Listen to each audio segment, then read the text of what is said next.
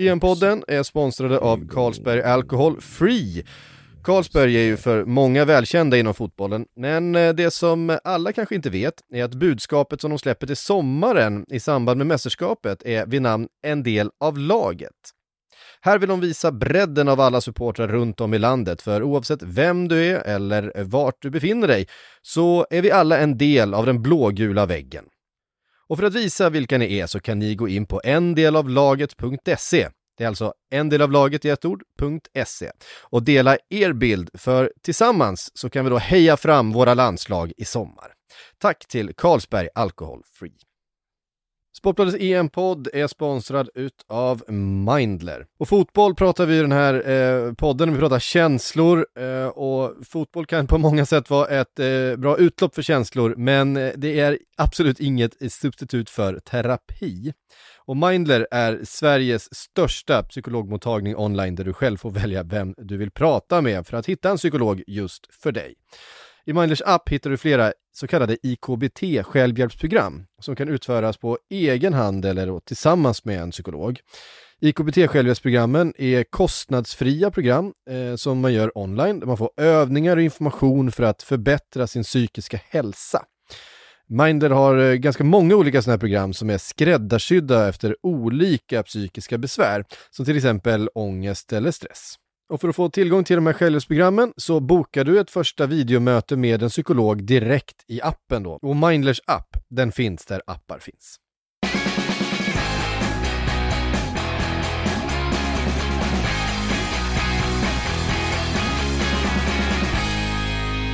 Ja, Sportbladets EM-podd. Eh, vi är eh, djupt inne i den andra omgången av gruppspelet. Sverige har besegrat Slovakien i den där eh, så viktiga matchen eh, för avancemang vidare och nu ser ju, eh, nu har vi inte kniven mot strupen längre och det tycker jag känns rätt skönt. Det har känts som det har varit 180 minuter med kniven mot strupen här. Det ska bli en annan upplevelse att kliva in mot Polen på, på onsdag med, med egentligen Eh, bara saker att vinna.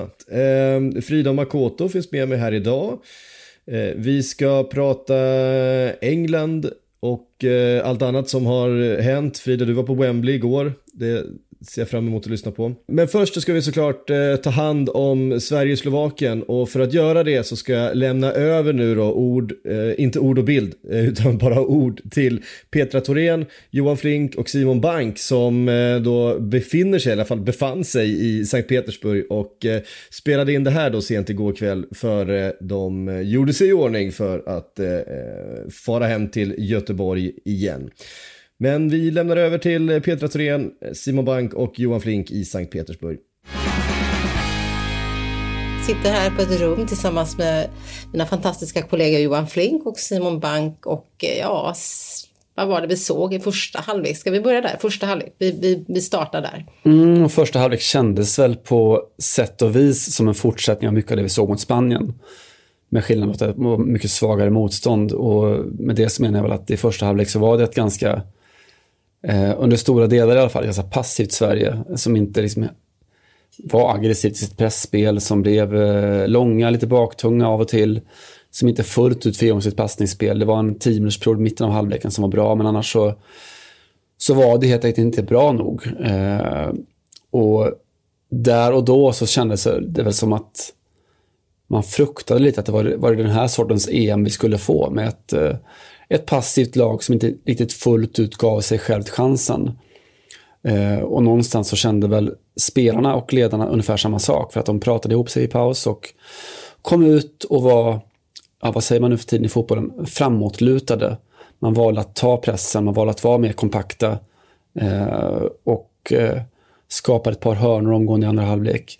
Och sen så är man inne i matchen. Och när man väl är inne i matchen, när grunderna sitter, när pressspelet sitter, när det kollektiva spelet sitter, så fanns det också en individ som kunde lyfta laget till en helt, helt annan nivå. Och då pratar jag om Alexander Isak. Precis, och det är nästan svårt att komma ifrån den här matchen utan att tänka på Alexander Isak med tanke på de hyllningarna han fått internationellt och, och på det sättet han agerar på plan. För det kändes någonstans att han tog det här ansvaret och låg bakom eh, väldigt mycket, nästan inte allt i, i Sveriges eh, offensiv. Eh, man kan ju nästan undra vad som hände med honom där för det kändes som att helt plötsligt att han bestämde sig. Jag vet inte, vad säger du Johan? Vad tycker du? Ja, men du säger väl bara det just att han bestämde sig, att han har liksom den statusen nu i, i laget och, och känner väl det själv också att eh, nu måste jag nog göra någonting här. Såklart uppbackad av ett, ett bättre lag i andra än i första, men eh, allting kretsar ju kring honom. Eh, plus att det väl också höjde sig lite när, eh, ytterligare lite när Quaison kom in i 64 minuten tror jag. Då blev det väl eh, inte, inte en dimension till, men eh, det lyfte lite grann till anfallsspelet. Men det är rätt häftigt eh, så här, om man tänker, är det ett sånt superbrett liksom, internationellt genombrott vi har sett? Eller är det för tidigt att säga? Det är ju ändå bara två matcher. Men, men, och de verkar ganska, använda ganska starka ord i, i Spanien om honom. De har ju sett honom innan. Så där. Men, men det känns ändå som att han tar det där breda genombrottet. Det är en spelare man kommer att prata om efter det här mästerskapet, eller? Ja, men jag tror absolut att det är så. Och eh, som du sa, att de, de har sett honom i Spanien förut och jag har sett honom i Spanien förut göra just den här sortens matcher. Han går in med någon sorts självklarhet i allting han gör. Och, eh, det, det, blir lätt känslostyrt att man säger att han låg bakom allt och sen så kanske det inte fullt ut är så, men jag gick igenom alla de möjligheter som Sverige skapade i andra halvlek. Det är en 7-8 halvchanser, helchanser och kanonchanser. Och när man tittar på de chanserna så är det de facto så att han ligger bakom varenda en. Det finns inte en chans som Sverige skapar där Alexander Isak inte är inblandad som framspelare, som startande, som alltså andra sits som man säger i hockey, eller avslutar själv. Eh, han gör den sortens match i landslaget som han har gjort i Real Sociedad förut. Där har han gjort det i kraft av sin status. Han gjorde det Framförallt nu under våren när han då fick en självklar position. De eh, lånade ut William, eh, som han är i Wolverhampton, och Isak var plötsligt då given som startspelare. Eh, och har själv också sagt att det betyder mycket för honom att, att känna att nu får jag ansvaret och då tar jag ansvaret. Och nu, det man kan säga nu är att han har fått den positionen i landslaget också. Jan Andersson sa ju till och med efter matchen att ja, nu är Alexander Isak given. Och jag tror att för honom han är kanske inte den sådär fullt naturliga psykotiskt självförtroende starke spelaren som, eh, som tar en plats eh, som inte är honom given. Men nu har han fått den positionen eh, och då tror jag att det är jätteviktigt för honom att få det mandatet. För då är han beredd att ta det. Eh, och jag tror att det var det vi såg idag. Det var det steget vi såg idag. Och det tror jag kan betyda oerhört mycket för fortsättningen av EM och för fortsättningen framöver för landslaget också. För att så bra är han när han får det mandatet. Du nämnde ju det eh, Simon, att eh, Jan Andersson säger att eh, efteråt på presskonferensen väldigt tydligt att han är given nu. Och det är ju klart att han är, men det är ju lite speciellt för det är sällan vi hör Jan Andersson uttrycka sig så kring en enda spelare. Jag tror knappt han har sagt det om eh, Emil Forsberg ens. Är han så det, har han också sett det här som vi pratar om nu att Alexander Isak behöver den behöver den statusen, behöver det självförtroendet och den positionen. Eh, så att han liksom eh, skickar han liksom ett budskap här nu, Jan Andersson, genom media till, till Isak. Är han så, eh, är han så, är han så smart, Jan Andersson? Men var inte du inne på det Simon innan, eh, eller före premiären, att, att eh, just betydelsen av att låta honom spela mot Spanien där man faktiskt hade kunnat liksom luta sig mot att okej, det har funkat väldigt bra med, med Marcus Berg och, och, och Robin Quaison. Att man kan luta sig mot det i den matchen men att, att ge honom förtroendet nu så, så växer han och det är väl kanske det vi ser. Det kanske är Simon Bang som har avgjort det här egentligen. Nej, men det, det, det, var, det är en, en, bild jag har. Det är klart att den blir lätt, lätt spekulativ och så, men nej, som du säger, jag var inne på det, att han kanske inte var taktiskt det absolut bästa alternativet mot Spanien. Eh, det kanske hade varit så att Quaison och Berg hade varit en bättre lösning eh, strategiskt. Eh, men att för turneringens skull, eh, för att om Sverige ska lyckas i EM, så jag och många med mig varit inne på att då, då är det Quaison som är vår X-faktor, som är det, den som kan lyfta till en helt ny nivå. Eh, där, alltså vi har sett att Emil Forsberg är på den nivån, han ska vara på den nivån, kan nästan kräva det av honom. Eh, Isak är fortfarande så pass oskriven, så pass ung, så att det är liksom inte självklart. Många spelare går in och har talang, eh, men behöver ändå kanske ett eller två mästerskap på sig. Emil Forsberg är ett bra exempel på det, innan man fullt ut bottnar och fullt ut kan gå in i ett sånt här stort sammanhang och med någon sorts naturlighet och självklarhet leverera match ut och match in. Och där tror jag, eh, alltså, eller tror jag vet ju också, Isak själv sa ju det, att det, i Real Sociedad, i La Real, så var det viktigt för honom att känna att nu är jag nummer ett, nu är jag given, nu är det mig de, de litar på. För att kunna ta den rollen fullt ut. Och jag tror att det kan finnas en sån poäng i landslaget också. Som Johan är inne på så tror jag också att Jan, Jan Andersson, ja, Isak är given, men att just att han säger det är nog också ett sätt att visa för honom eh, just det att nu har du tagit steget, nu är du, nu är du vår nummer ett där framme. Eh, och det tror jag, man ska inte underskatta betydelsen av det. Men är inte fullfrågan då vem, vem, vem ska spela bredvid? Nu nickar det. Det är ju så för att det var inte, det var ett skifte vi fick se då när Quaison ändå kommer in och tar för sig. Och, tycker jag så här, så tydligt visar med sin energi och de här löpningarna, sätter i djupled bakom, hotar bakom backledningen. Även om han inte fick bollarna de första gångerna så, så kommer han ju in med en jäkla energi. Och eh, Marcus Berg gör ju det som han är så bra på och laget spelar inte så bra i första halvlek så det hänger ju ihop. Men kan det bli ett skifte där? Vem som ska spela bredvid? Alexander Isak. Ja, Quaison tyckte ju själv att han skulle göra det. Eh, och jag vet att alla spelare säger alltid att de alltid vill spela såklart. Men han sa det på ett lite annorlunda sätt på den direkta frågan om han tyckte att han skulle spela. Och då sa han ju ja. Eh, och, och, lyfte fram hur han tyckte han...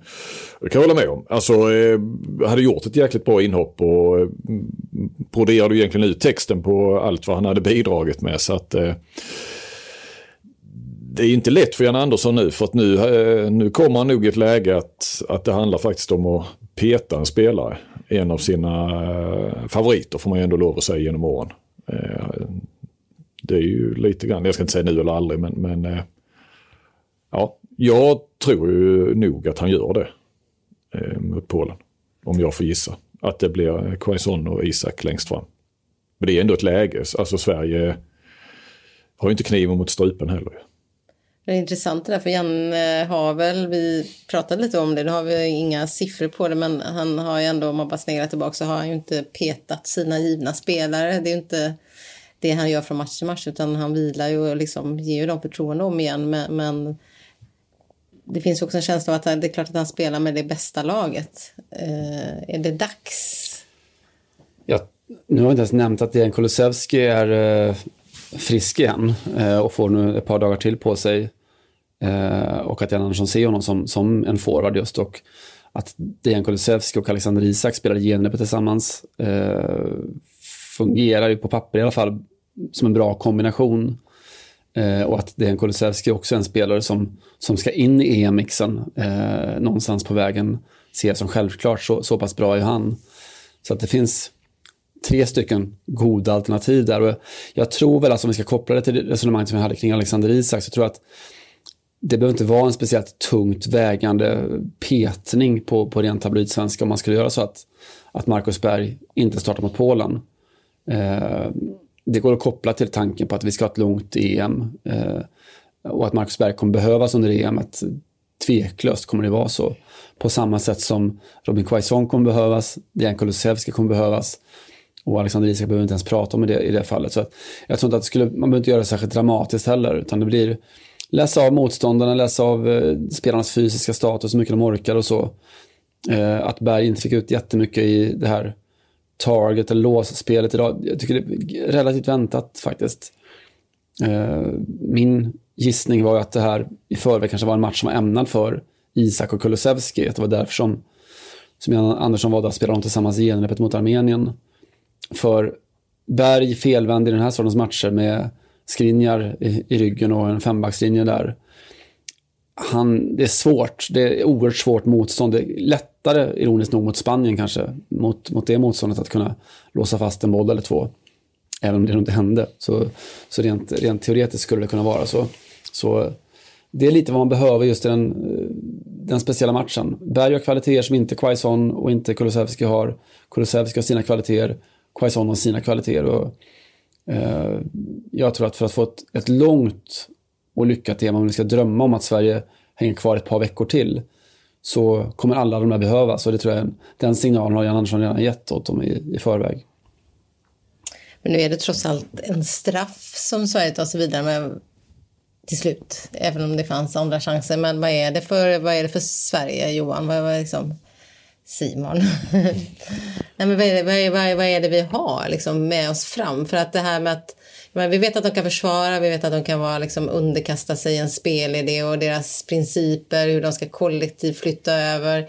I försvarsspelet är de ju kanske absolut nästan bäst, en, ett av de bästa lagen i världen på skulle jag nästan våga säga. Till och med italienarna tror jag är lite, lite imponerade. Men, men eh, det krävs en del för att de ska kunna ändå rosa på och, och bräcka liksom de, de, de starkare nationerna som kommer framöver. Jag menar Spanien var en sån nation och, och det finns säkert flera som de ändå kan liksom hålla stången mot men de måste ju ändå kunna bryta igenom det. Ha, är, finns det tillräckligt med spets i det här laget? Det är lite skönt med tanke på hur liksom det senaste året har varit att, att se att just försvarsspelet och sitter så relativt bra. Sen det går jättemycket kritik mot försvarsspelet också, just att, det, att man sjunker lågt och är liksom djupt i sitt spel.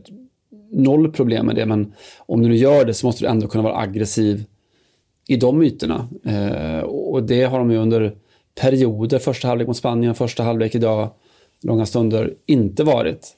Men lika fullt så är det ett lag som har släppt in, hållit nollan i sex av sina sju senaste matcher, som har eh, legat bra till väl expected goals både mot Spanien och såklart även mot Slovakien med, med noll släppta skott på mål mot, mot Slovakien här ikväll. Så det är ett, jag skrev ikväll att ett, ett, ett lag som möjligen är svårt att älska för någon objektiv betraktare, men som också är kanske ännu svårare att slå. Eh, och det är ett bra ingångsvärde att ha i ett, i ett slutspel, inte minst. Jag tror att många är nog lite skraja för att möta Sverige, för att det, man får slita för sina målchanser väldigt hårt. Och har man det som grund och sen kan lägga till då ett, att få ett passningsspel som, som tickar igång lite mer än vad vi, vad vi har sett så här långt och, och dessutom lägger på Alexander Isak och sen framöver kanske också lägger på Dejan Kulusevski så det är ett obekvämt fotbollslag att möta Sverige. Det, jag tror att det är det man tar med sig från de här två första matcherna. Och vi har väl Emil Forsberg också att lägga till på ett vis. Ja, absolut, för han har inte pikat, han har inte toppat den. Mot Spanien så var det matchen när han fick mest vara lojal, positionsspelande försvarsinriktad och gjorde det väldigt bra. Det arbetet gjorde han väldigt bra. Eh, men det är klart att det inte är där som Emil Forsberg är med i, i EM. Det är inte därför vi ser honom som, som det här lagets kanske viktigaste spelare. Utan det är för att han ska kombinera, han ska flytta in i mitten, han ska starta Sveriges passningsspel och hitta insticken och allt det där. Eh, lite mer idag än mot Spanien, men det krävs fortfarande ännu mer. Men jag tror att för Emils egen del så, så vet han om att Sverige har gjort ett mål i EM, det var han som gjorde det. Eh, och hela laget mår ganska bra. Det är en, en, om man nu inte har nått sin, sin maxpotential så är det en ganska bra start ändå. En ganska bra grund att ha att stå på.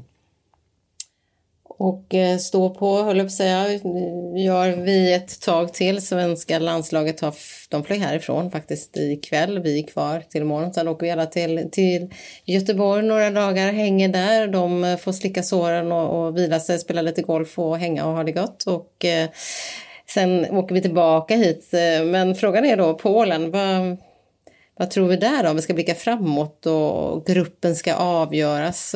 Vad, vad är det optimala för Sverige? Ska, är det att, eh, att, ja, förstås att försöka vinna den matchen men, men till och med kanske nå första plats? Finns det någon möjlighet? Ja, det finns en möjlighet. alltså, den stora faktorn där är väl lite var, var Polen befinner sig. De, eh, om, om, man säger så att om Robert Lewandowski skulle byta nationalitet över, över natten och spela för Spanien istället för Polen så skulle Spanien vara ett av, en av favoriterna till att vinna, vinna EM utan tvekan för att det är den, den spelaren de saknar, den straffområdesnärvaron och målskytten de saknar. Eh, när de Morata där istället som har som är satt under oerhörd kritik redan. Eh, Polen är ju en av EMs stora besvikelser om man ser till första omgången. Eh, ett lag som helt enkelt inte hängde ihop och Lewandowski som inte knappt har ett avslut. Och det har redan börjat liksom gnisslat oerhört mycket i Polen. Det är kritik mot spelarna, kritik mot truppen, oerhörd kritik mot Paulo Sosa. Eh, bland annat utifrån att han inte ens sjöng nationalsången, för han är inte polack. Eh, så de står liksom och balanserar på, på den stora krisens rand. Så. Eh, och skulle de nu vika ner sig mot Spanien förlorar med ett par bollar där så, så vet inte jag exakt hur, hur demoraliserat Polen som Sverige kommer möta i sista omgången. Jag, jag tycker Sverige ska, eh, om man får önska sig och hoppas och så, hoppas på att vinna gruppen. För att det, det skulle ge en bra skjuts in i slutspelet. En lättare motståndare i en åttondel och sen en känsla framåt, om man ska kolla så långt som... Eh, ja, för ett idéval och väldigt ungt lag skulle betyda mycket tror jag, att ha det, det självförtroendet, att känna att vi är bra, vi kan... Ja, vi har vunnit grupp med Spanien i. Har man den möjligheten så tycker jag att absolut att man ska gå för fullt för den. Vi snackade ju med spelarna efter det här Johan. Du frågade ju flera av dem eh, vad, vad de tyckte. Vad, vad, om du sammanfattar lite deras... Eh, de hade inte, några av dem hade inte orkat börja tänka så långt men, men eh, Nej, de precis. är där på det. Ja, på frågan om hur de, vad de vill ha för resultat i kvällens match mellan Spanien och Polen då ju. Om man vill ha ett avsågat Polen eller eh, någon poäng till Polen så att man har första platsen i, i egen, i egna händer. Och då är du inne Simon där ju på att det är bättre, eller att kunna vinna gruppen nästan är ett bättre läge än, än kanske ett avsågat Polen. Och det lät väl lite så. På de som hade tänkt så var det nog så att det är klart att vi går för att vinna gruppen, sa Alexander Isak bland annat. Eh, det är ju också så att om vi, de, vinner gruppen så undviker man, om vi nu tittar så där långt fram som du var inne på, att undvika Frankrike i en kvartsfinal. För det nu öppnar ju sig den här gruppen eh, som, Sverige, som, an, som tvåan i Sveriges grupp går mot, alltså Englandsgruppen, den är ju väldigt öppen för tillfället. Men det skulle kunna bli Tjeckien till exempel och det låter ju på förhand som en rätt så eh, angenäm åttondelsfinal. Men sen väntar ju då med största säkerhet Frankrike som vinnare i dödens grupp tror vi. I en kvartsfinal. Så att eh, jag håller ju med där att, att eh, det är nog inte så dumt med någon polsk poäng och sen eh, Kanske, kanske på målskillnad då. Eh, nej, det blir det inte alls. Mm. Det blir ju, kan vi ta, eh, ta det på poäng då och vinna gruppen. Det hade ju varit, det hade varit häftigt. Ja, det, hade, det trodde vi kanske inte i alla fall innan vi åkte till, till Sevilla men eh, nu är vi i Sankt Petersburg. Vi vänder hem, liksom landslaget, till eh, Sverige och eh, får om några dagar eh, och vi sover ganska gott eh, de timmarna tills vår flight går. Ja, Sportbladets EM-podd är eh, fortfarande sponsrad utav Unibet.se och med oss i vanlig ordning har vi Steven Lee Holmdahl från Sportbladets spelsajt för att eh, dra lite sköna odds från detta EM. Steven Lee, eh, välkommen. Vad har du hittat? Oj, ja du, jag vet inte egentligen hur mycket som helst, men vi har ringat ner det till tre spel nu då. Det är skönt att du begränsar dig. Ja, det hade kunnat bli 30, men vi tog bort lite grann där så kör vi på. Uh, jag tror jag har uh, hittat tre målgörare som jag tror jäkligt mycket på nu. Um, så vi tar dem i tur och ordning här. Först så har vi i Ryssland då, som var egentligen helt utspelat mot eh, Belgien, tror jag har lite bättre chans att skapa målchanser nu och då är Artem Chuba deras liksom, eh, main man att gå till när det ska gälla mål och sånt. Så jag tror att han har bra chans att få några fina lägen och spelas till 2.23. Det är en måste-match för en Ryssland så de kommer nog ösa på där. Eh, sen har vi Turkiet, Burak Yilmaz, det var lite samma sak där. Eh, Turkiet, de fick ju knappt låna bollen mot Italien och Yilmaz fick springa omkring och, i tomma intet. Men nu är det också så att Turkiet har en mycket bättre uppgift och kommer antagligen börja skapa lite mer målchanser. 3,20 på att Yilmaz gör mål. Och till slut så kör vi Harry Kane som, jag vet inte vad han hade gjort för någonting. Han såg helt yrvaken ut mot Kroatien och missade öppet mål och sådär. Men han gör sällan två dåliga matcher i rad och nu eh, möter England ett lite sämre motstånd. Så Kane spelas till 1,91 som målgörare. Tre pålitliga målskyttar får man säga. Ja, det får man säga. I alla fall när det gäller lite lämpligare motstånd och sådär. Så att, äh, men det där ser bra ut. Jag blir förvånad om inte minst två av dem går in i alla fall. Perfekt. Och de här spelen hittar ni såklart på unibet.se och kom ihåg att du måste vara 18 år för att spela. Och är det så att eh, du eller någon i din närhet spelar lite för mycket så gå in på spelpaus.se för att läsa om hur du pausar ditt spelande och på stödlinjen.se för att lära dig mer om spelberoende. Ja, men då var vi tillbaks i Sverige igen och eh, eh Frida Makoto Ska vi säga någonting kort bara vi också om, eh, om Sverige-Slovakien igår? Vilken rysare eh, till slut det blev och vilken, vilken match, vilken andra halvlek vi säga, han gör Alexander Isak. Till att börja med måste man ju bara säga, det är så mysigt att höra liksom, den dialektala blandningen på våra utsända tycker jag. Alltså att det finns en fin mix tycker jag, det är helt underbart. Eh, men matchen i sig, alltså det var ju inte så här mest underhållande, men tre poäng Första, här, första halvlek var bland det sämsta man sett. Ja, det är- överdriver du inte i alla fall. Nej, precis. Men alltså sammantaget, ja det finns massa problem hit och dit. Det finns, det finns brist på offensiv liksom, fantasi stundtals, förutom Alexander Isak då. Men summa summarum, en poäng mot Spanien, tre poäng mot Slovakien. Det här är ju precis enligt mallen för alla som vill, liksom, vill ha ett riktigt bra mästerskap för Sverige. Det här är ju precis enligt plan. Ja, verkligen. Eh, och eh, det har varit mycket internationella eh, skriverier om Alexander Isak, mycket reaktioner på hans eh, insats, eh, inte bara då i den här matchen utan även hans fina eh, spel mot Spanien. Bland annat Gary Lineker var ute på Twitter, Frida, och, och hyllade. Har det varit något mer snack i England om Alexander Isak? Det, de gillar ju att, de gillar ju att dra igång, dra igång hypar och rykten. Ja, nej men precis. Ja, men, eh, även Isaks svar där florerade ju ganska friskt på sociala medier och nådde faktiskt fram till Gary Lineker. För den som inte vet så sa ju Isak något i stil med när han fick höra då vad Gary Lineker hade skrivit om honom att jag känner inte riktigt till honom, är det någon gammal spelare, jobbar han i studion, någonting i den stilen. Och ja, man kan väl inte riktigt klandra honom ändå för att killen är ju född, vad är det, Nej. 99? Så att det är inte Ja. som att han har, eh, han fanns ju inte ens när Lineker hade sin storhetstid, men då svarade ju Gary Lineker på detta med en emoji på en eh, gammal gubbe.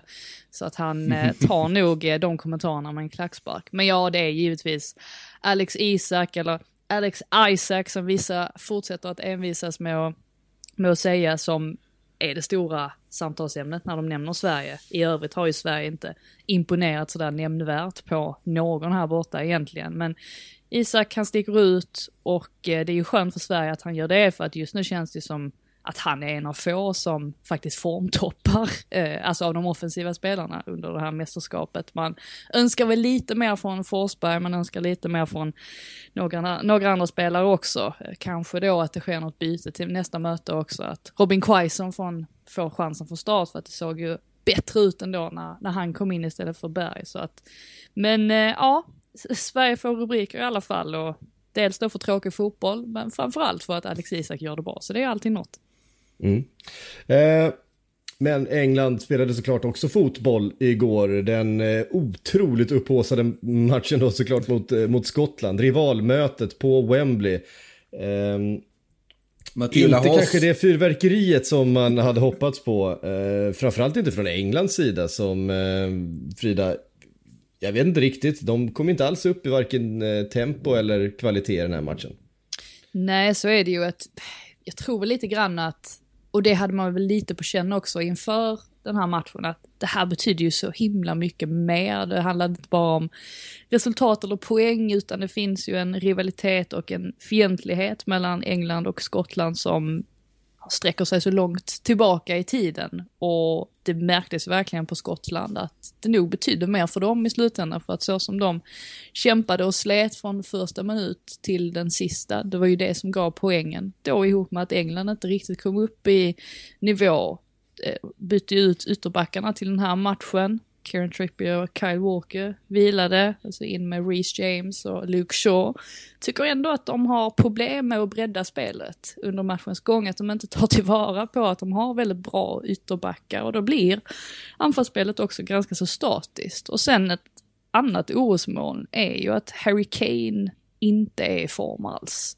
Och det kan man ju fråga sig vad, vad det beror på. Det kan ju vara så att efter en sån här lång säsong med Tottenham som har varit både slitsam på ett fysiskt och psykiskt sätt så har han helt enkelt svårt att komma in i det eller hitta energi. För just nu så löper han bara omkring och ser väldigt vilsen ut. Och det var nästan så att man fick känslan av att Phil Foden exempelvis att han försökte gå in och ta Kanes ro- roll ibland. För att Kane har ju, en- han har ju en tendens att droppa ner ganska djupt och det brukar ju inte göra någonting så länge han, alltså det han gör när han droppar ner, alltså att det, det är effektivt och leder till eh, uppbyggnaden av anfall. Men det hände inte riktigt i den här matchen, hände inte riktigt mot Kroatien. Så att där har ju Southgate ett frågetecken, bytte ju till och med ut Kane där mot, mot slutet och det var ju helt rätt för att han behövde ju någonting annat. Han behövde ju in spelare som löpte in bakom backlinjen på ett helt annat sätt. Sen kan jag väl tycka att det var lite konstigt att sätta in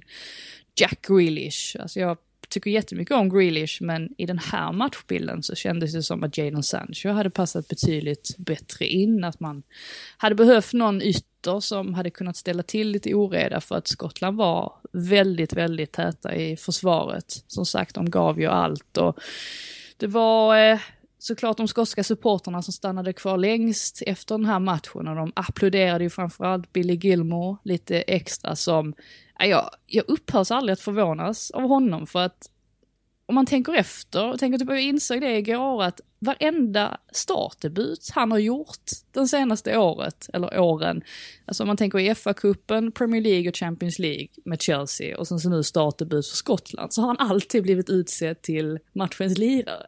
Han, han börjar väldigt starkt i alla fall och det gjorde han i den här matchen också. Och Steve Clark omnämnde ju honom på presskonferensen som Skottlands framtid eh, på fotbollssidan och det är ju ganska, ganska enkelt att förstå varför efter att ha sett den här insatsen. Så att Skottland lämnar absolut Wembley och London med en bra känsla inför sista omgången nu, där de ställs mot Kroatien och fortfarande har chans att gå vidare. Och i England, det var lite som att ta två steg framåt efter mötet med Kroatien, två steg tillbaka nu. Men de är ju fortfarande med i matchen i alla fall. De har ju fyra poäng och det är väl det viktigaste trots allt.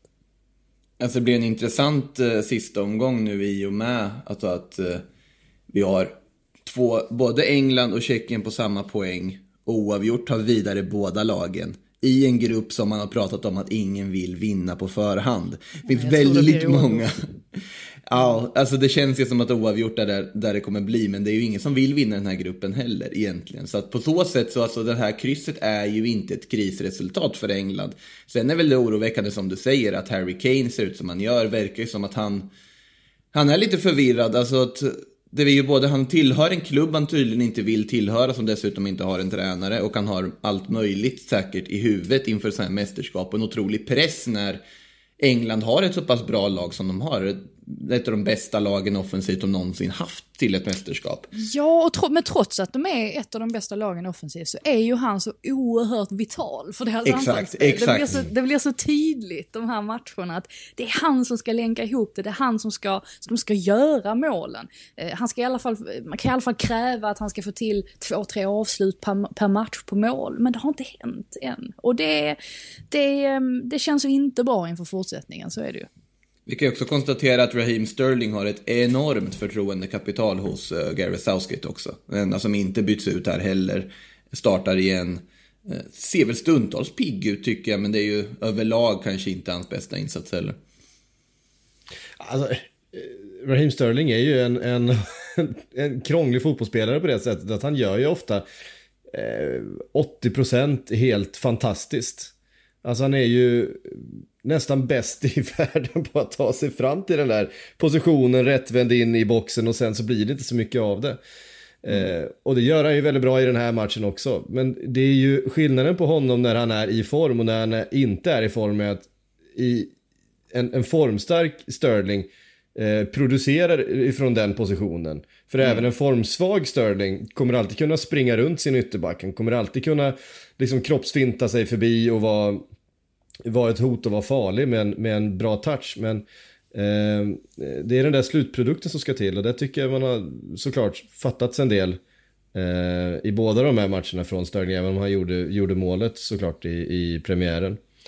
Eh, men så där är det ju. Det, det är ju eh, det är ju så att spela med Sterling i laget, att han, att han vaskar en del.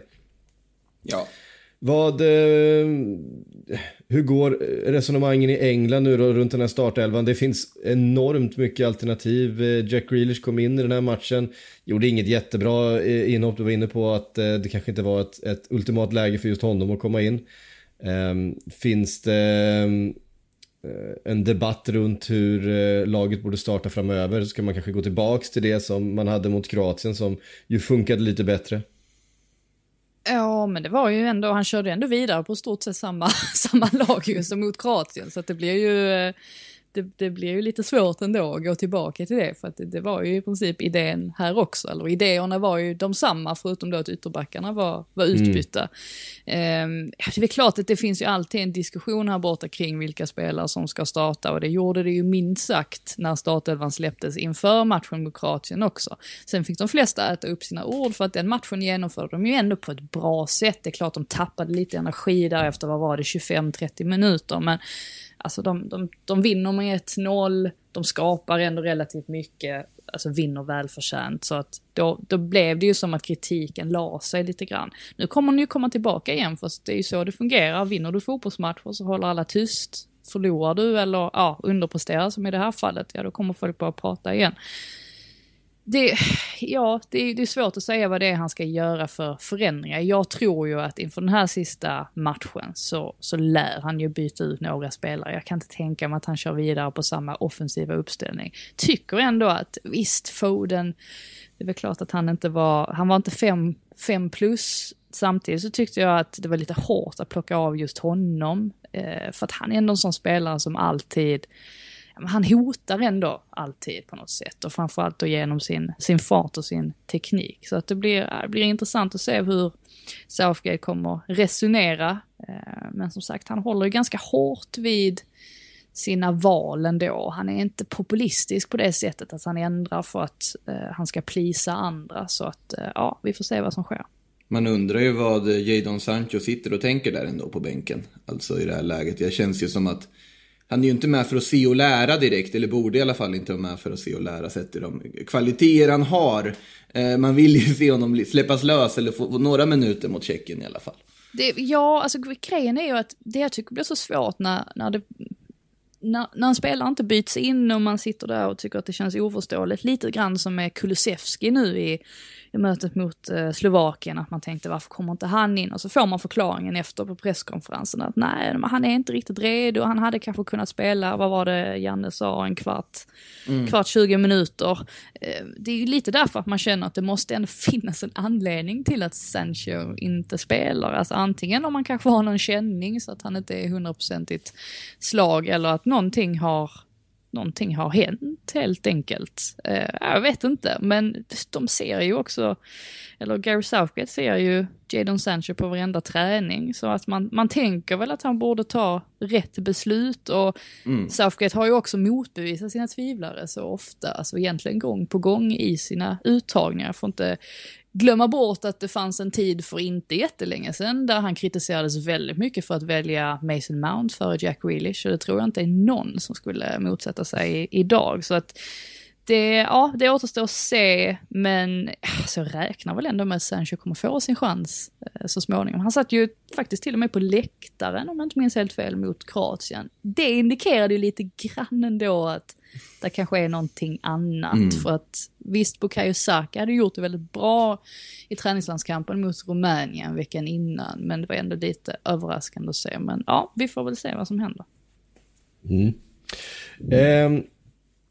En match till i eh, grupp, nu ska jag säger måste. Måste väl nämna Lyndon Dykes först bara, bara slänga ut honom. Alltså, ja, vilken, vi får, vilken ja, men det, det, är sant, vi måste säga något om Skottland också. Ja, men eh, alltså, Lynd, vad han kämpar på topp och liksom den här, alltså, det är så fint att de startar en före detta rugbyspelare på topp mot England tycker jag. Bara, bara det tycker jag är vackert. Nu, nu må han vara en neutraliserad australier i grunden. Men mm. ändå, alltså, alltså, som han sliter och så mycket smällar han tar. Men det är inget tjafs, det är bara liksom spela vidare. Han får händer upp i ansiktet, men det är bara att kämpa vidare hela tiden. Jag tycker att han eh, man hoppades att han skulle få peta in en boll till slut där också, men det var ju Che Adams som stod ja. för det mesta av alltså, målchansbrännandet. Che Adams måste ha, lära sig en strategi som inte går ut på att bara sparka bollen så hårt han kan i riktning mot målet. Han måste det var ju inte för riktning. Han, nej, men han måste, han måste titta eh, vart han skjuter också. För att, eh, och det är samma sak, samma problem han har haft i Premier League. Alltså hans hans avslut går ofta ut på att skjuta bollen så hårt han bara kan och hoppas att, att målvakten inte ska hinna reagera. Eh, han har ju bra lägen i den här matchen. Det känns som, förutom eh, John Stones nick i stolpen där så är det ju Skottland som skapar de bästa målchanserna. Ja, det var väl O'Donnell där, hans avslut. Ja, O'Donnell hade ju sitt avslut ja, där som var eh, väldigt nära att gå in. Alltså det är ju ett väldigt, när man pratar med skottar just om det här landslaget så märker man verkligen på dem att de anser att det här är ett väldigt älskvärt landslag, att det finns så många karaktärer som de tycker om, alltså att det är ett kollektiv som de gillar. Och den här vänsterkanten med Kieran Tierney och Andy Robertson, vi fick inte se den i öppningsmatchen mot eh, Tjeckien, för då var ju Tenny skadad så att det var bara Robertson som kämpade och slet på den kanten. Men ihop så man såg ju, även om det kanske inte hände så många gånger under matchens gång som man kanske hade tänkt sig, för att England höll, höll ändå ganska bra koll på, på den kanten, så ser man ju ändå vilket vapen de har där när Tenny och Rob ja. Robertson kan, kan kombinera. Och det är ju egentligen de som ligger bakom det anfallet där O'Donnell till slut drar till och Jordan Pickford får väl fingertopparna på det avslutet. Men eh, ja, det här var ju en riktig, riktigt slitig slitig insats om man säger så. Mm. Och på, särskilt av mittfältet då, vi, har redan, vi pratade redan om Billy Gilmore och hyllat honom, men McGregor och McGinn var ju också bra. Så att det, mm. det, är, det är ändå ett gediget gäng de har. Det är långt ifrån det bästa laget, men eh, som kollektiv så kan de ju uppenbarligen eh, lägga ner ett väldigt hårt jobb på det här sättet och få med sig vitala poäng. Det här låter som eh, beskrivning av ett annat visst landslag. ja, ett visst eh, blågult eh, landslag. Ja, kanske. kanske. Scott McTominay i backlinjen. Det är utmärkt den här matchen. Mm. Eh, ja, det är ju ingen, alltså det är ingen, inget förvånande ju. Alltså McTominay mm. brukar de ju, eh, ja, alltså trycka upp lite grann, ja men som mot Tjeckien exempelvis, så spelade han ju på, på mittfältet, så att han alternerar ju lite där. Det blir ju så eftersom att de har så väldigt många alltså alla deras alternativ är ju på mittfältet i stort sett. Och det gör att McTominay får alternera lite. Men ja, bortsett från den här tunneln som Sterling slår ja. Eh, i första halvleken så tycker jag också att han gör det väldigt, väldigt bra. Och som sagt, det märks ju också hur mycket det här betydde för dem. Alltså mm. just att komma till Wembley och plocka en poäng. Det var, eh, ja, det var eufori i luften efter slutsignal. Mm. Verkligen. Vi har eh, ytterligare en match i den gruppen som har spelats, nämligen den mellan eh, Kroatien och Tjeckien. 1-1 eh, bara, får vi väl kanske säga, eller? Eh, Kroatien, vi, vi, visste ju att Kroatien kanske inte var det Kroatien som eh, spelade VM-final för tre år sedan och att eh, en och annan nyckelspelare är borta och de övriga nyckelspelarna har, har blivit lite äldre. Patrik Schick måste vi säga någonting om. Alltså, alltså, jag är förvånad att han att, får slå straffen där. Ja, jag, tycker det är, jag tycker det är magiskt att han Det är klart han ska slå straffen. Jo, jo men precis... alltså, det, alltså, de har inte ens stoppat blodet från att rinna. Liksom. det, det känns som att med tanke på hur hårda de brukar vara med det där, så känns det väl som ganska uppenbart att han inte ska få spelet. Ah, nu, nu kanske jag är ja. tråkig här och liksom... Men en utav, en utav nyckelspelarna som ju faktiskt har såklart blivit sämre under de här tre åren är ju just Dejan Lovren. Eh, som för tre år sedan var en, en ordinarie eh, spelare i, i Liverpool och eh, eh har blivit äldre och inte spelar på samma, på samma nivå. Hade ju dessutom eh, ett misstag eller två i sig per match eh, redan på den tiden. Eh, och den armbågen han delar ut mitt i nyllet på, på Chick i, i första halvlek där som blir till straffen. Det är ju det är fult och det är klantigt. Jag tycker det är framförallt klantigt. Det är väl ja. den faktiskt intryck jag får av den situationen. Jag såg väl inte riktigt att det var en alltså, otroligt medveten armbåge. Sen så, den ska ju inte vara uppe och flänga där, så är det ju helt nej, enkelt. Så nej, såklart det är straff. Men eh, jag tyckte det är mer klantigt av Lovren. Det var ju Kaletta Kar som startade med Vida i första matchen. Jag tyckte ändå att det mittlåset funkade ganska bra då. Mm. Eh, den här matchen för Kroatien är ju betydligt mer alarmerande på att sagt, den första halvleken är ju under all kritik. Där det är otroligt tydligt att det här inte är ett lag i harmoni. Det här är ett lag som inte riktigt hämtat sig från ett väldigt svagt Nations League där tränaren Zlatko Dalic var väldigt kritiserad för hur de agerade och de resultaten de gjorde. Bland annat en förlust mot Sverige, som vi ju kanske minns. Eh, det ser inte särskilt harmoniskt ut. Man kan ju absolut ifrågasätta vissa stjärnor i laget också. Luka Modric har inte kommit upp i den nivån vi har sett honom göra i klubblaget eller för den delen i landslagströjan tidigare heller. Ännu i det här mästerskapet. Det är otroligt tydligt att man saknar en spelare som Mandzukic där framme tycker jag fortfarande. Kramaric, Rebic och så vidare har inte riktigt kommit upp i nivå heller. Även om det är på pappret väldigt duktiga anfallare. Sen är jag väldigt imponerad av Tjeckien och det, är deras start på den här, det här mästerskapet. Att det känns som att det är välfungerande helt enkelt. De har en tydlig plan, de har Patrik Schick, en helt galen målform. Eh, och bara ett genuint, gediget, bra lag som fungerar och verkar trivas med att spela fotboll och kan spela fotboll. Eh, här kanske vi har en liten dark horse att hänga med ett Tjeckien brukar ju vara bra så fort det blir ett EM också oavsett vilka spelare de ställer ut på banan. Och nu när Patrik Schick har bestämt sig för att bli det här årets Milan Baros så är det väl bara att köra tänker jag. Eh, ja. Nej men det är också så här, på något sätt en perfekt eh, anfallare för just det här laget som ju eh, har ett bra kollektiv som är liksom ramstarkt men också har en, en målfarlig, stor, stark, tuff eh, målskytt. Alltså till skillnad då från kanske Milan Baros som var mer en, en eh, djupledslöpande målpetare.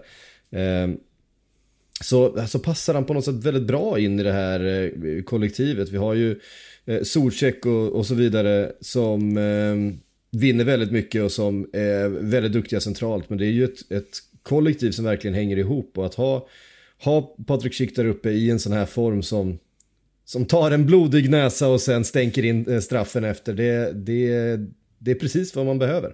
Det känns som det finns alternativ också. Jag var imponerad av unge Adam Kloseks inhopp här också.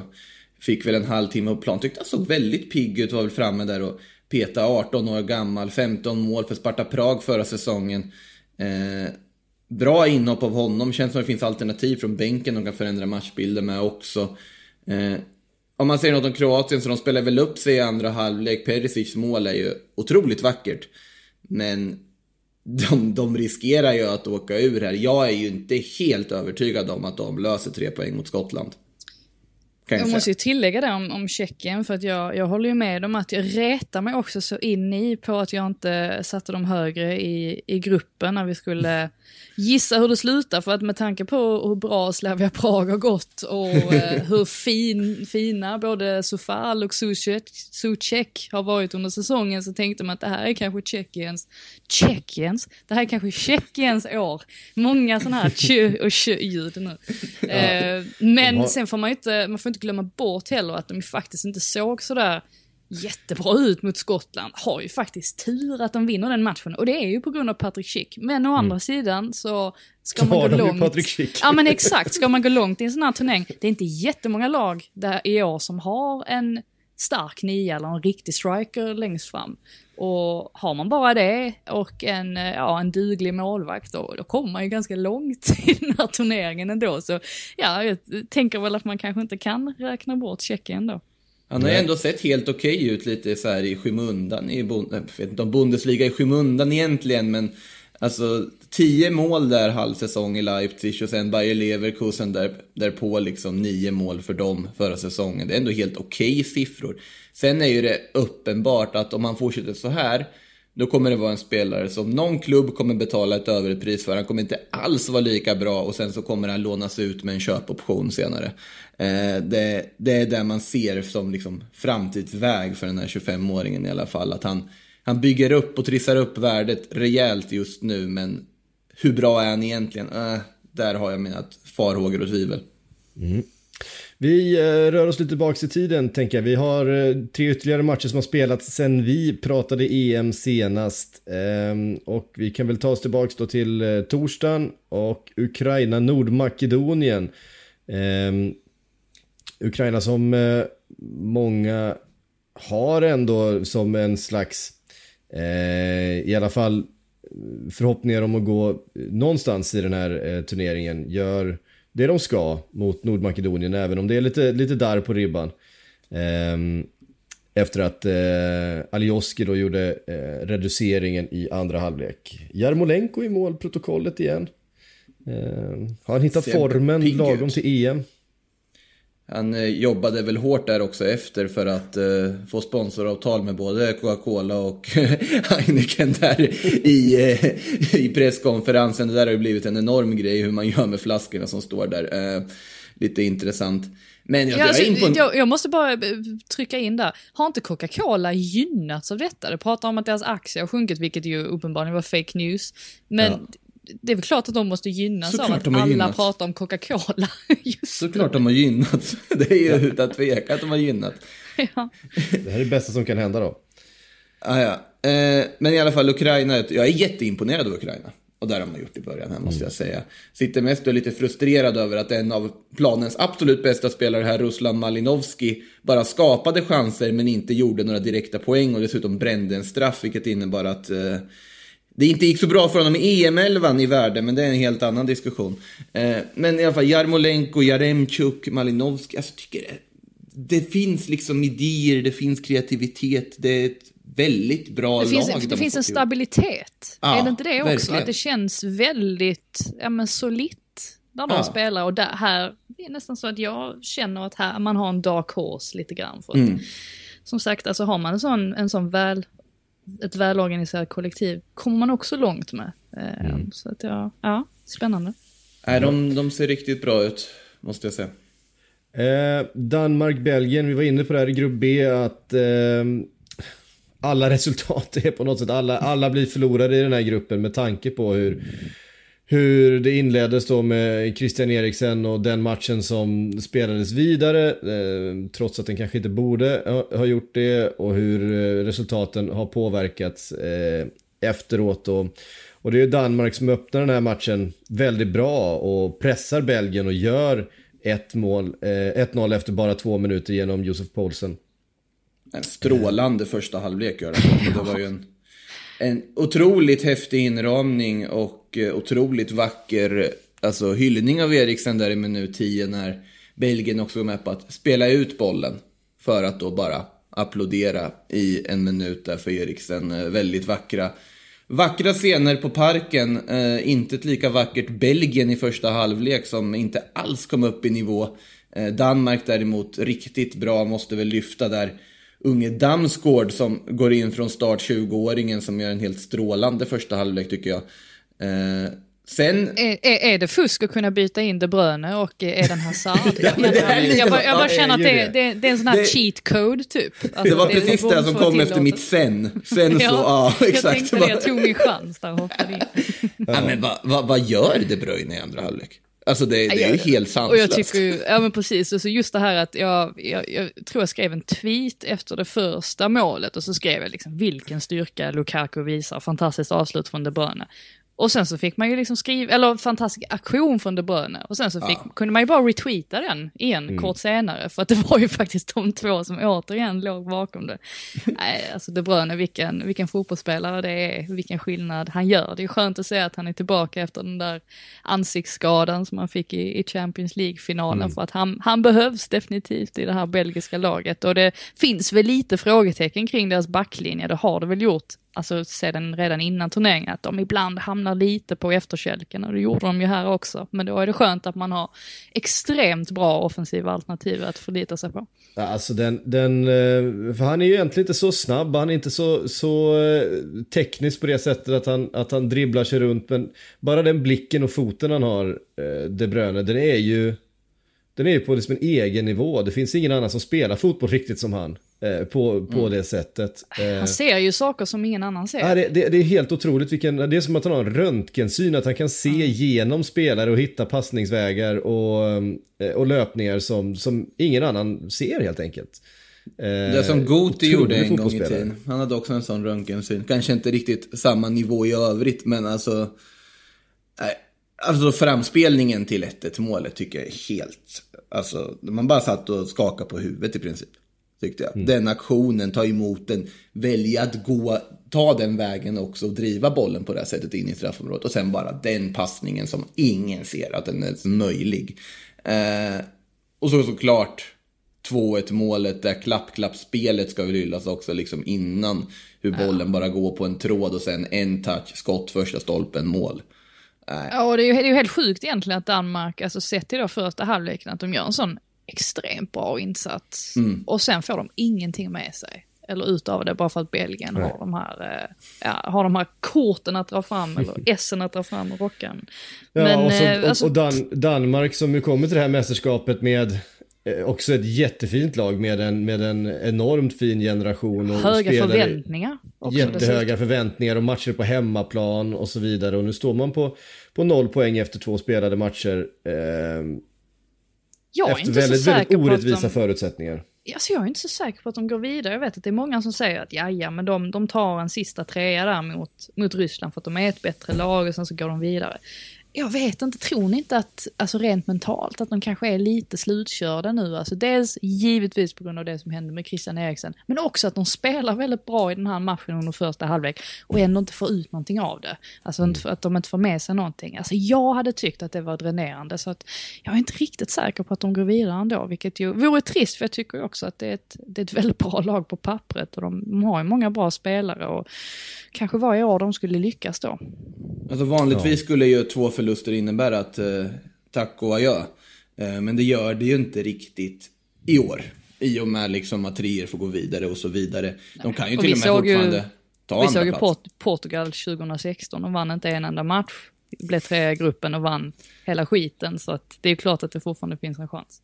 Och det är just därför också som jag inte väljer att hoppa på några hype-tåg och är ganska lugn över favoriter som inte ser så bra ut än. Det är inte nu du ska se bra ut. Det är, det är senare du ska se bra ut. Italien ser för bra ut just nu. De kommer inte Och gå minns- hela vägen. Ja, och minns väl också med, eh, med Frankrike under VM 2018. Var ju, ja men, inte Mm. uträknade efter gruppspelet, men de imponerade inte i gruppspelet i alla fall. Och sen så Nej. hittade de en extra, en extra växel. Det är ju så de också brukar göra, så jag håller med. Jag tycker också det är jättesvårt att dra några slutsatser. Jag tycker det är svårt att dra några slutsatser nu när man sitter och diskuterar, ja men ska vi, ska vi hamna etta eller tvåa eller trea, vad är bäst? Alltså man vet ju inte riktigt Nej. förrän alla matcher är är spelade av gruppspelet. Och ja, det är väl lite en spänning i sig kanske att det är så.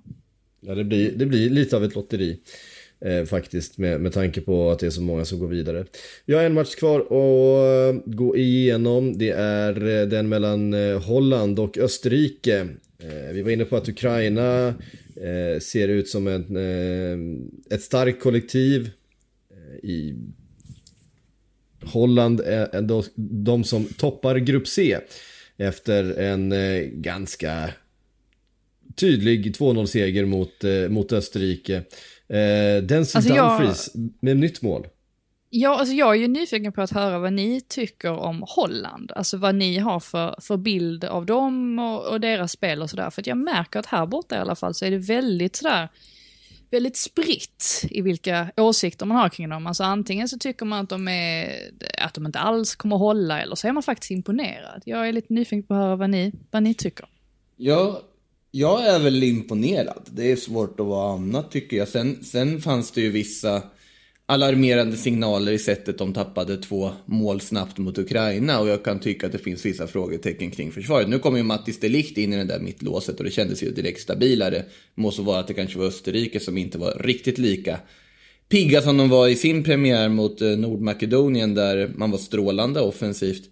Eh, Dumfries Ja, alltså jag vet inte riktigt. Man är ju fascinerad över hans, hans start på säsongen. Alltså det är två matcher, två mål, två gånger han utsätts till planens bästa spelare och han är en högerback. och, och, och, och så bara går in och dominerar offensivt. Han kommer ju också, alla kommer vilja köpa honom i sommar. Men, men är, är det inte detta man älskar med EM också? Att det dyker upp de här lite otippade hjältarna som Dumfries och ja men Locatelli, alltså en spelare som man kanske inte har pratat om sådär jättemycket innan. Det, det är ju det som är charmen också med Ja, EM på verkligen. något sätt. Verk, dyker upp. verkligen.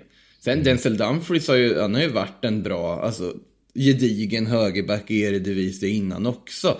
Sen har det ju varit så att han har ju använt som en av tre i mitt, alltså i trebackslinjen stundtals.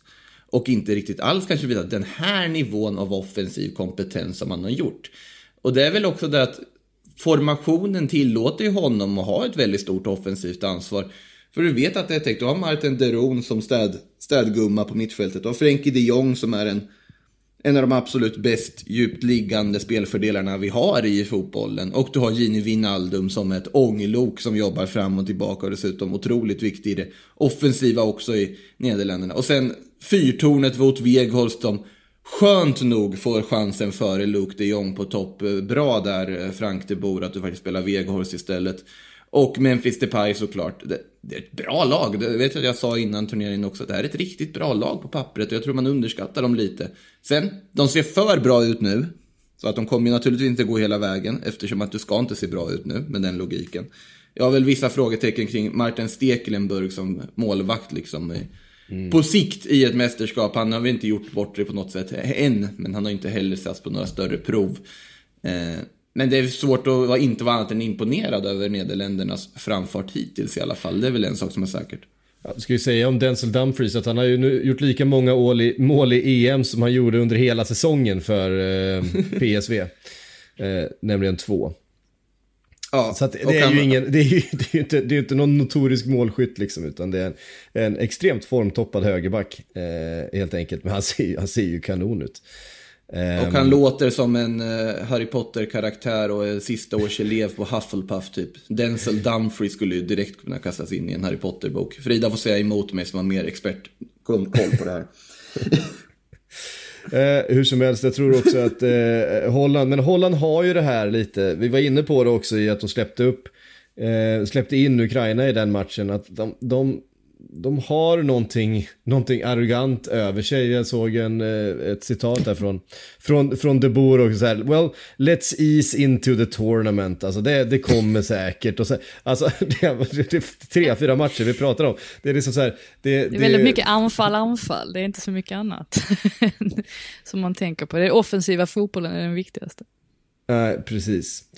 Ja, vet ni vad? Det är fullt med eh, stormatcher eh, under... Eh, Ska vi säga något om de torskande lagen i grupp C också kanske?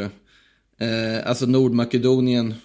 Visst. Är ju typ, det är ju kört. Alltså de, jag tycker de gör det bra, men det känns som att det är kört ändå för dem i det här läget. Jag tyckte ja, nästan att de, att de inte riktigt tog sin chans ändå, för att jag vet inte, alltså det är klart att de gör det bra, men tänker den där matchen mot Österrike, hade ändå kunnat få med sig någonting där ju. Men ja, mm. trist för dem. Verkligen. Ja. Och Österrike, mm, ja, Alltså det är så, det är så svårt att, att ha några känslor för Österrike. Det är väl inte, alltså jag, jag tycker lite om man ska liksom sätta lag mot varandra som även är lite sådär grannländer så är man ju, eller jag är mer imponerad av Schweiz exempelvis än av Österrike. Taskigt och... att du måste ta upp Schweiz bara för att vi ska prata Österrike.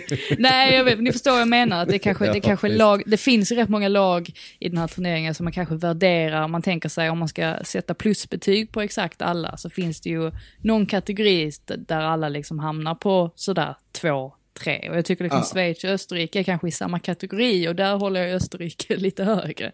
Men eh, ja, vi får väl se vad som händer här. Jag är ju, jag är mest nyfiken på också just det här snacket med vilka treor som går vidare. Jag tycker att det känns som att alla sitter och säger att ja, ja, men, men, men det är så många treor som går vidare så att eh, de kommer säkert gå vidare. Men någon måste ju missa också. Det är väl bara 66 procent av treorna som går vidare. Så att mm. jag är lite nyfiken på att se vem som, eh, ja, vem som miss out. Och här ja. kan ju Ukraina och Österrike jobba vidare varandra. Om de kryssar genom att, genom att så kryssa. lär ju, så lär, kryss med nollmålskillnad lär ju mm. räcka. Det behöver inte nödvändigtvis räcka, men det lär räcka. Och sånt lär ju spela in också, tänker man. Om det är oavgjort med åtta minuter kvar, tror ni inte då att man liksom, ja, man tar det lite lugnt ändå, att man inte, man är, man, att man är mer rädd för att tappa matchen fullständigt än att, ja, man bryr sig om att, att anfalla på nytt och få in ett, ett mål. Men, ja, Men här har se. ju de en nackdel också, att de kan inte spela på resultat som grupp F och grupp E kommer kunna göra. Eh, för att de har inte tre, treornas poäng med sig, för att de är så pass tidigt i turneringen. Så att det här är ju också en annan intressant aspekt. Den enda, den enda röra. Alltid. Ja, ja, helt enkelt, varför ska treor gå vidare? Det drar bort charmen. Alltså jag tycker ja, lite det, det är... var, det inte, var det inte vår eminenta kollega Johanna Frändén som skrev att det är lite som fiskdamm på barnkalas, att alla får, alla får pris. Och det, alla på ett får sätt vara så med. är det så det känns. Ja. ja. ja jag håller helt med faktiskt. Ja, det kommer bli eh, tydligare när vi är, när vi är tillbaks på tisdag med ett nytt avsnitt av eh, EM-podden. Och ska vi eh, sammanfatta de matcherna som spelas här under helgen. Och då har vi väl ett par grupper avgjorda dessutom. Eh, Morata plus 10 ska starta för Spanien i alla fall, det sa Luis Enrique. ja, det är viktigt. Ja, de spelar mot Polen ikväll här. Och så ehm, börjar vi närma oss det, det riktiga allvaret här nu då med, med åttondelsfinaler eh, och så vidare. Eh, Frida och Makoto, tusen tack för att ni var med idag. EM-podden är som sagt tillbaks snart igen och sen så kommer det Silly och sen så kommer det allt möjligt annat också. Eh, så det är, bara, det är bara att hänga med i vanlig ordning.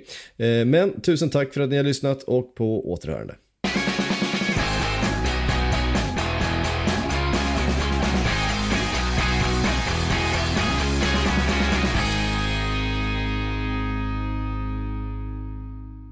Du har lyssnat på en podcast från Aftonbladet. Ansvarig utgivare är Lena K Samuelsson.